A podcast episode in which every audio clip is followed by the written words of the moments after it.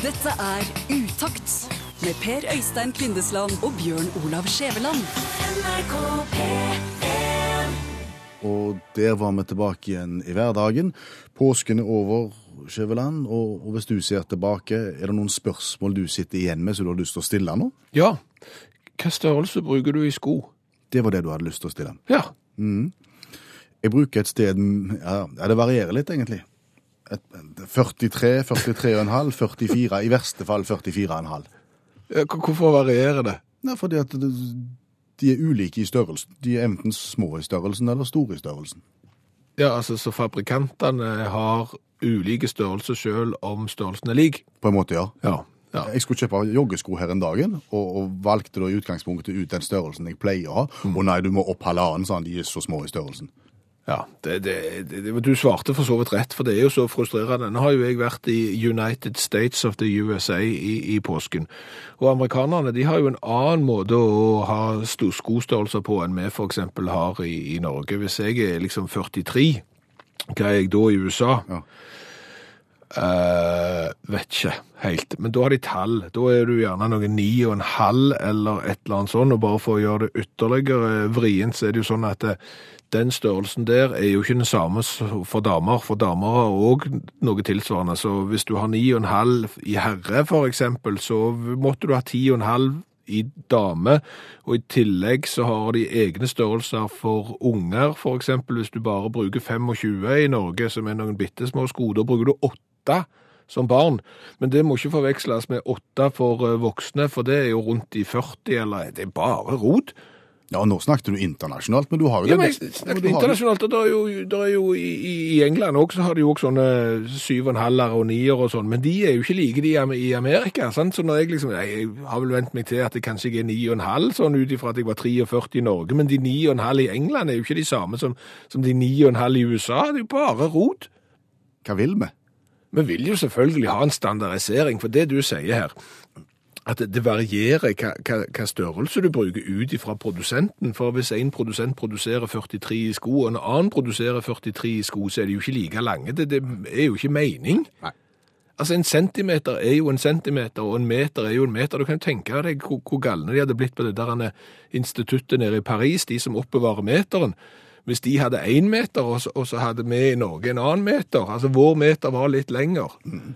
Fordi at vi syntes det var kjekt når vi skulle bygge hus og få litt mer for pengene. Så vår meter er 1, bare rot. Og så skulle du bruke slalåmstøvler i påsken, og så skulle du finne ut hva størrelse du skulle ha da, og så var det enda verre. For da var du på 28, skulle jeg ha da. Var du på 28 da? Jeg som vanligvis bruker 43-44, jeg skulle ha 28. Ja. For de måler i centimeter, har jeg skjønt. Nei, de måler i mondo points. I? Mondo points. Hva er det? Ja, det... Det er jo det samme som centimeter, men det kalles mondo points, så kan du ikke bare si centimeter. Jo. Og, og, og, da er du inne på det, tenker jeg. Ja, du er inne på det. Eh, og, og det som er greia her, at det er jo et, så lenge centimeteren er det like. Ja. Og det må vi forutsette. Ja. For da vet du at fra hælen og fram til stortåna eksempel, eller noen har jo en mellomtå som er lengre, men det kan du bestemme, så måler du i centimeter, så ser du der er det 28,5. OK, da må jeg ha 29 for eksempel. Og da vil jo det være likt over hele verden hvis du får med hele verden på et skostørrelsesløft. Ja. Du er enig i det? Ja, ja, ja. ja, ja det, det, eneste er liksom du må bare venne deg til det. Det er ulempen. Sant? For du har gjerne gått gjennom hele livet og vært en 42-43, ja, og plutselig så skal du være en 28,5 eller et eller annet. Så der har du en vaneendring du må nødt til å ta. Men folk har klart det før. Ja, ja, ja. Altså Her må ha internasjonale organer på banen, tenker jeg. Ja, jeg vil rope på FN, EU, Nato. Ja. jeg vet ikke hvem andre som eventuelt kunne komme på banen, men de må på banen. Én felles skostandard, og vi velger centimeter, ikke mongo points. mongo points? Mondo, mondo points. Og vi starter ikke i dag, vi begynner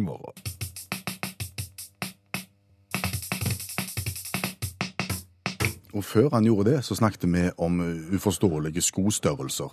Altså, ulike land har gjerne ulike mål på akkurat den samme skostørrelsen. Ja, en amerikansk 9,5 er en engelsk 9, som vel er kanskje en norsk 43, hvis du er heldig. Det spørs litt hva produsenten har lagd. For en 43 til Nike f.eks. er ikke nødvendigvis lik en 43 til Adidas, og dermed så blir det bare klatt. Vi etterlyser én felles uh, mal. Eksempel gå på centimeter alle sammen. Ja. Så vet vi hva vi skal ha. Så vet vi hva vi skal ha. En centimeter er en centimeter. Og det samme kunne de jo ha gjort når det gjelder klær. Ja, for det er vrient der òg. Er du 48, du? Jeg er mellom medium og large. Når de begynner å spørre etter sånn tall, da, da detter jeg alltid av. Ja. Ja. Men, men det er klart, kunne ikke det òg vært likt? Fordi at det, det er jo igjen sånn at hvis du er mellom en medium og large, jeg er større enn det, jeg er mm, large til extra large, men large og extra large er jo ikke large og extra large overalt. Nei, det kommer igjen an på hvilket land du befinner deg i. Ja, eh, har du for eksempel vært i Japan noen gang og prøvd å kjøpe klær? Nei, Det er særdeles spesielt, kan jeg fortelle deg. fortell. Kofferten min, Ja. som eh, var med meg til Gardermoen og skulle være med til Japan, eh, den ble stående igjen på Gardermoen. Og du kom til Japan uten klær? Ja, Uh, uten koffert. Og, og det tok seks dager før kofferten kom fram.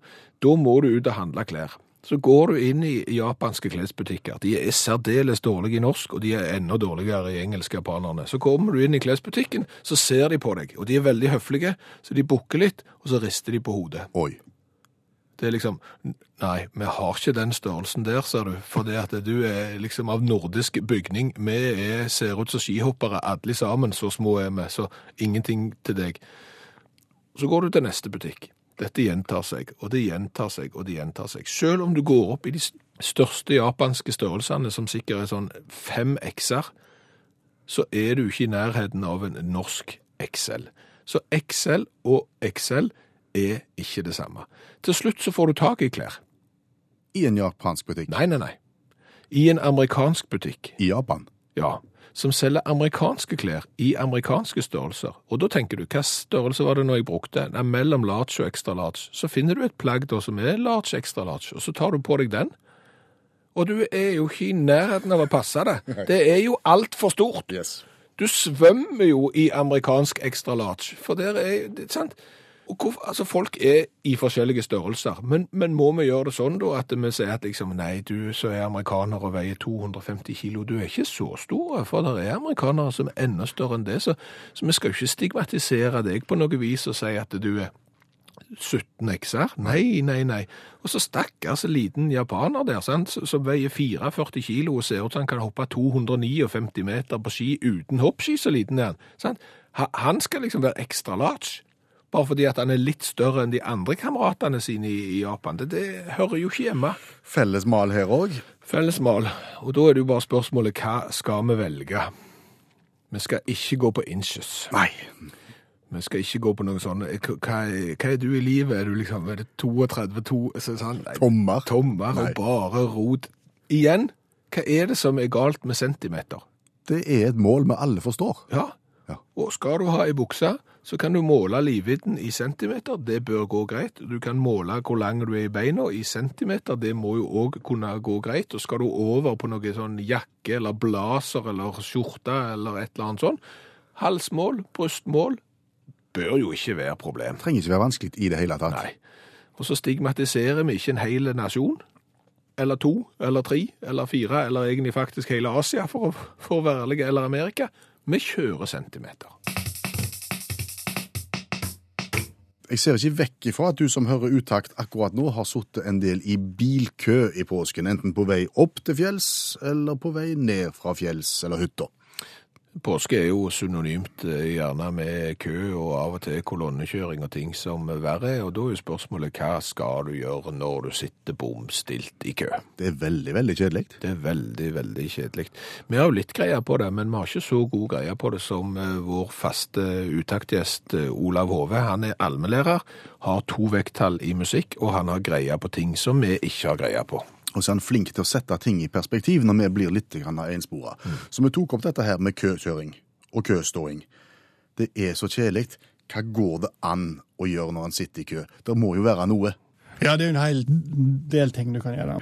Hvis vi reiste til, eh, til Brasil og Sao Paulo i, eh, den 15. november i 2013 Hvis det ringer bjeller der, så vet vi jo at 15. november er repu- republikkdagen, eller nasjonaldagen i Brasil. um, jeg vet ikke så mye om uh, nasjonaldagen i Brasil, bortsett fra det jeg lærte i O-fag. da. Det var jo eh, general Diodoro de Fonseca som styrta Pedro 2. i 1889. Det var venta, det var det ikke det? Jo. det var det. Um, da det måtte gå den veien. Men, men i 2013 så var det iallfall kø. Ja, eh, det var kø, eh, fordi jeg skulle feire den dagen. Og hvis de tenker tilbake til 15.11.2013, så husker de kanskje det var en torsdag. Ja. Og da har du langhelg, sant? Da har du greia da fri på fredagene, og så er en haug med folk som skal ut av Sao Paulo. Og så er utgangspunktet litt kjipt her, fordi at eh, paulistene de er vant med, de er vant med kø. Kan du si, fordi at det er lite veier i Sao Paulo. De sier at en vanlig bilsjåfør i Sao Paulo står i to timer kø daglig. Og når det da plutselig alle skal ut av byen, så, så ble det et spetakkel og et styr, og onsdagskveld så begynte dette her å blokke seg til. Og så er brasilianerne bare så gode på det her, for her i, i køen så sminker de seg. De pusser tennene, de barberer seg. Eh, de ser film, de trener. De har egne vekter for um... For køståing? For, men så har i bil, det er så praktiske, liksom. Sånn at eh, du slipper å ta ned vinduet og en eller andre. Folk eh, videreutdanner seg i bilkø i Brasil. Det går an å gjøre. Du kan ha lydbok, så kan du videreutdanne seg. Du kan lese bøker for det står bom i ro, og spesielt denne novemberdagen, der står det iallfall bom i ro, så der var det mye skolebøker å se. Yoga for bil er utvikla i Brasil. Funka helt fint.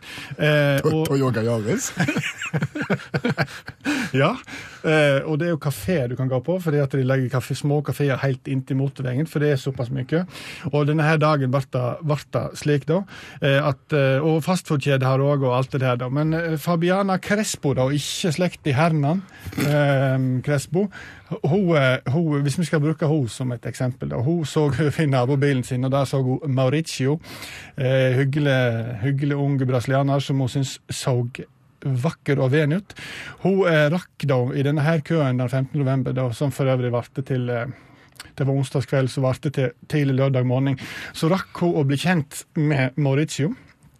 Snakka litt med han. Eh, eh, arrangere en litt provisorisk date på taket til bilen til, til Mauricio. unnskyld. Eh, de fikk snakka litt om framtidsutsikter, felles interesse, ønske for livet. Eh, og, og de rakk å bli kjærester, og de rakk å når køen løste seg opp lørdagsmorgen, rakk de å bli forlova. Eh, I dag eh, gift og har to barn. Eh, barn nummer én født ganske nøyaktig ni måneder etter at køen løste seg opp en novembermorgen i Sao Paulo. Så det var tips til ting du kan gjøre i kø. Det siste der òg. Ja, ja, kjør på. Gi alt.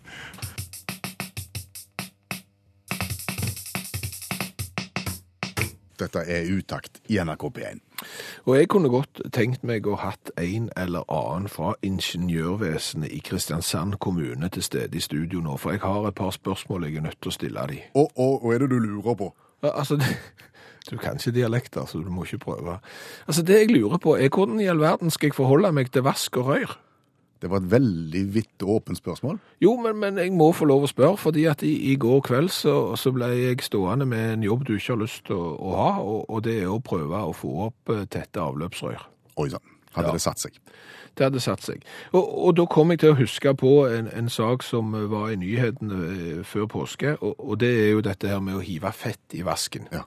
Fordi at i bydelen Hellemyr i Kristiansand, eh, så har de fått beskjed om at du skal ta gryter, eksempel. Hvis du har gryter med fett i, så skal du ta tørkepapir, og så skal du tørke ut dette fettet, og så skal du hive det i matavfallet, for ikke å spyle fett og smør og den slags i røyrene. For det som skjer er at røyrene blir tette, rottene liker seg, og, og, og det blir mirakels. Hellemyrsfolket skal ikke helle fett i røyrene I, vasken, ja. Og da må jeg jo bare spørre, ja vel, men hva med oss som vasker oss da? Hva med oss som vasker oss? Ja, for nå skal jeg sette dette i litt grann perspektiv. Som sagt, i går kveld så ble jeg stående med et tett avløp i en vask. Og det er ikke på kjøkkenet hos oss. Det er på badet. Jeg har aldri, så lenge jeg har bodd i noen hus, hatt tett kjøkkenvask. Og der har det gått. Og jeg er ikke stolt av det. Hvis det ikke er lov, så er jeg ikke stolt av det. Og det, det har gått litt smør oppi, det har gått matrester, det har gått pinnekjøttavfall og, og sånn har gått i, i vasken. Og det er jo på en måte resepten i forhold til det ingeniørfolk i Kristiansand sier på å få tette røyr. Der har det aldri vært tett. På badet, der jeg aldri har helt verken smør eller fett eller pinnekjøtt eller noe annet, Der har jo sluken vært tett opptil flere ganger, senest i går kveld. Og det er et amaras av en jobb. Du begynner med å plukke fra hverandre vannlåsen. Det som kommer fram da, det er ekkelt. Det renner vann inni skapet. Du må finne fram ei bytte. Har du stagefjør? Nei, jeg måtte lage ei improviserte stagefjør av noe elektriske ledning som jeg tvinde sammen. Prøvde å få det inni. Det gikk ikke. Måtte ut og finne hageslangen, koble hageslangen på dusjen, spyle varmt vann inn med fullt trykk. Vet du hva som skjer når du spyler vann inn i et rør med fullt trykk når det er tett? Det kommer tilbake igjen. Det vannet havner i skapet under vasken og flyter ut, og det blir et mirakels. Så begynner du å prøve å skuffe denne stappa hageslangen så langt inn i røret som du kan. Åpne forsiktig med litt trykk, sånn at du ikke skal sprute ut over gulvet og skapet en gang til. Det begynner å komme seg. Røske det til.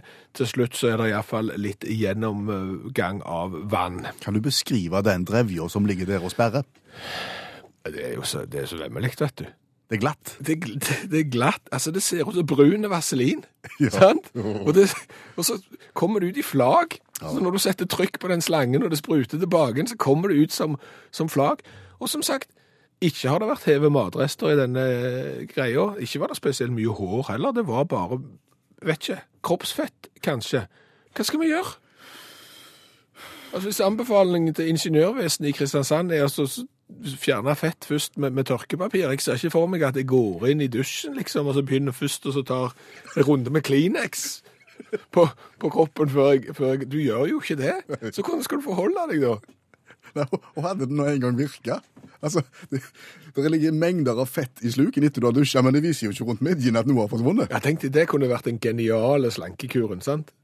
Det eneste du trenger å gjøre, er å dusje lenge og vel, så forsvinner kroppsfettet. Men det virker nesten sånn. Og helt et alvorlig spørsmål. Hvordan skal du forholde deg? Du kan jo ikke la være å verken vaske deg i vasken eller i, i dusjen, og det er jo der fettet kommer. I kjøkkenvasken, der vi heller all verdens slags med graps og rester av gulrøtter og mirakels, den er aldri tette.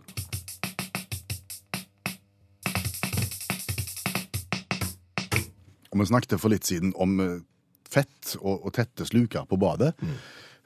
Da kom jeg på Har ikke du en litt lei historie med, med noe sluk og noe avfetting og noe eh, oppkast som ikke Det var litt vondt å rippe opp i det. Det er jo ikke mitt stolteste øyeblikk som eh, småbarnsfar. Det er jo ikke det. Men, men hvis det kan hjelpe noen der ute til å ikke gå i de samme fellene som jeg har gjort, så kan jeg godt uh, fortelle det. Jeg syns å huske at det er en veldig god historie. Ja, det er jo en vårdag. Eh, kona var på jobb, eh, og jeg var hjemme med, med ungene, og, fant ut at det var sikkert lurt å, å gjøre noe huslikt, og noe som kunne gagne hele familien, så jeg fant ut kan rydde litt ut forbi, og vaske bil, og, og den slags. Og i den prosessen der så var det en liten kar på noen få år som fant ut at det var sikkert en kjempegod idé å drikke avfettingsmiddelet som faren hadde satt fram. Det er det som du bruker på bilen før du vasker bilen, på en måte. Ja, det er det som gjør at eh, skiten renner av bilen, og du får et sånn et mørkt merke i asfalten når alt grapset har eh, rent av. Det fant sønnen min ut at det kunne sikkert være en god idé å smake på. Han drakk Han drakk avfettingsmiddel. Jeg vet ikke hvor mye han drakk, fordi at han var så liten at han var på en måte ikke tilsnakkende. Sant? Han kunne ikke svare, hadde ikke et avklart forhold til hverken centiliter eller desiliter eller sånt. Det var bare tydelig at det var vondt. Hva gjorde du? Jeg ringte jo til de der som har greia på det når unger har drukket ting de ikke skal drikke. Giftinformasjonen. Giftinformasjonssentralen. Så jeg ringte til de og sier du, jeg har en liten pjokk her som har tatt for seg av avfettingsmiddel, hva skal vi gjøre? Han må drikke fløte. Å, fløte. Ja, det er noe som melkeprodukter, fordi at eh, jeg tror det, det, det er basisk, eller jeg vet ikke, jeg sier ja, men jeg har ikke fløte.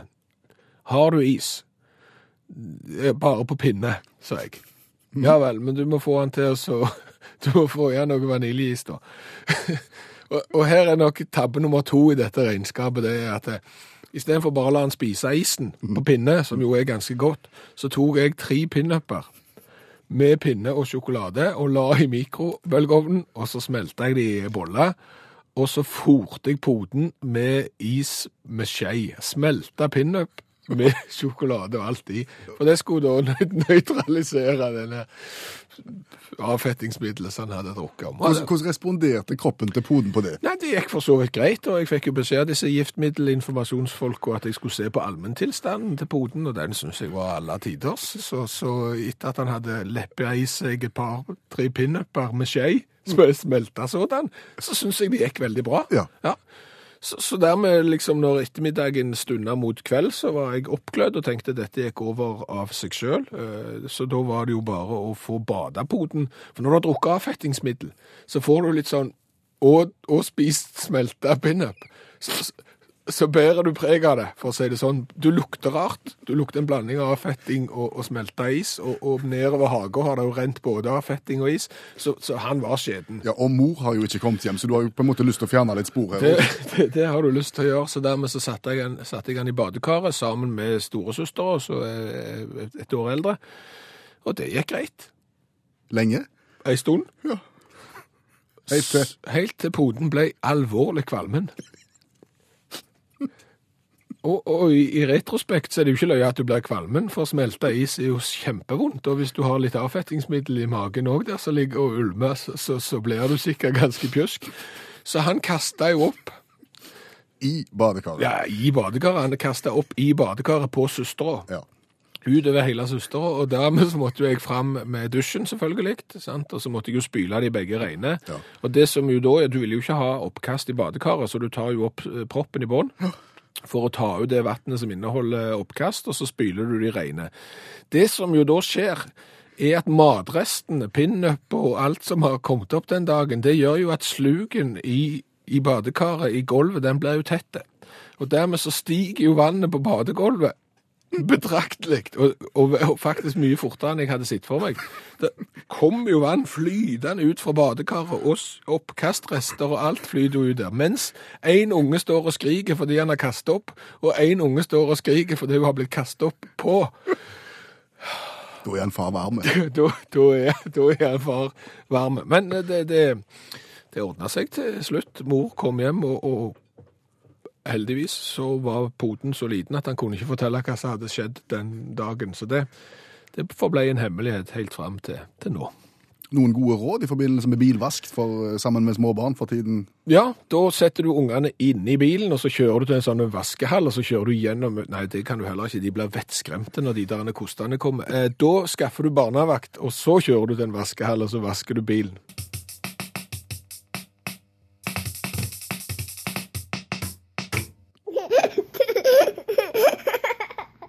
Nå vits og vitseanalyse fra barnemunn. Hvorfor kan du se at toget har gått? Det er sport etter det. Det er spor etter det, mener jeg. Forsto du den? Nei. Jernbanespor, vet du hva det er? Å ja, sånn de kjører på. Var det en løgn? Nei. Hva sier du hvis du møter et troll med tre hoder? Hallo, hallo. Nei, nå må du lese skikkelig. Les det på ny. Hva sier hvis du møter et Nei. troll? Hva sier du hvis du møter et troll med tre hoder? Hallo, hallo, hallo. Skjønte du den? Nei, Skjønte du ikke den heller? nei. Og ett hallo til hvert hode. Mm. Var det en løgn? Hva kaller vi en mann som stikker armen sin inn i gapet på en krokodille? Enar, enarmet. Den forsto jeg. Var det en løgn, da? Nei. Når han hadde bedt av armen, så hadde bare én en igjen, vet du. Det er omtrent på denne tida i programmet Skjæveland, at vi oppsummerer litt, og da pleier jeg å stille deg følgende spørsmål. Hva har vi lært i dag? vært et veldig lærerikt utaktprogram i dag. Det, det syns jeg. Jeg har jo lært det at eh, skostørrelser, det er vrient. Europeiske skostørrelser, engelske skostørrelser, eh, amerikanske skostørrelser, Mondo points. Det er uante muligheter til å fortelle hvilken skostørrelse du bruker, og vi har jo etterlyst én eneste mal. Kan det ikke være likt worldwide? Centimeter. En centimeter er en centimeter, og hvis foten din er 30 centimeter, så er han 30 centimeter, både i eh, Amerika og i England og i Japan. Og det samme bør være mulig med klesstørrelser. Er du ekstra large i USA, så er du ikke ekstra large i Japan, og du må ikke gå i den fella og kjøpe f.eks. ekstra large-klær i Japan og tro at det passer deg i, hvis du er ekstra large i et annet land. Det må jo kunne gå an å få til en standardisering her òg. Centimeter. Så har vi lært litt eh, om fett i vask. Ja, det er jo et problem både på kjøkken, men ikke minst på badet. Ja, kommuner eh, anbefaler jo innbyggerne å ta vekk fett i grytene, gjerne med tørkepapir, og hive dette i matavfallet for at dette ikke skal tette røyra. Men hva skal vi da gjøre i de plassene vi vasker oss og dusjer? I dusjen er jo sluken full av fett på, for en form. Jeg vet ikke hva type fett det er, sånn overflateflassfett. Men hvordan skal vi forholde oss til det? Vi kan jo ikke tørke oss med tørkepapir før vi dusjer og hive det i, i matavfallet. Her må noen smarte folk sette seg ned og komme fram med ei løsning. Og så har vi jo lært en del om ting du kan gjøre i kø. Ja, kø kan framstå som kjedelig, men her må du tenke ut forbi boksen. Ja, eh, går du til Brasil eksempel, så er det jo et par der som, ja, de fant hverandre rett og slett i, i køen. Den køen gikk så sakte at folk satte jo omtrent eh, boder og begynte å selge kolonialvarer fra, fra bilvinduet. Eh, Dette paret fant hverandre, bokstavelig talt. Der ble unger av det ni, år, nei, ni måneder etterpå, og, og de gifta seg. Så, så står du i, på en eller annen fjellovergang en gang og, og venter på kolonnekjøring. Der er masse ting du kan eh, ta deg til, men, men hvis du har drevet med forplantningstrening i baksetet, så pass på å kle deg når du skal tilbake til din egen bil. Det ser utrolig dumt ut hvis du går ut i, i snøføyk og i, i nettoen. Dette er Utakt med Per Øystein Kvindesland og Bjørn Olav Skjæveland. NRK P3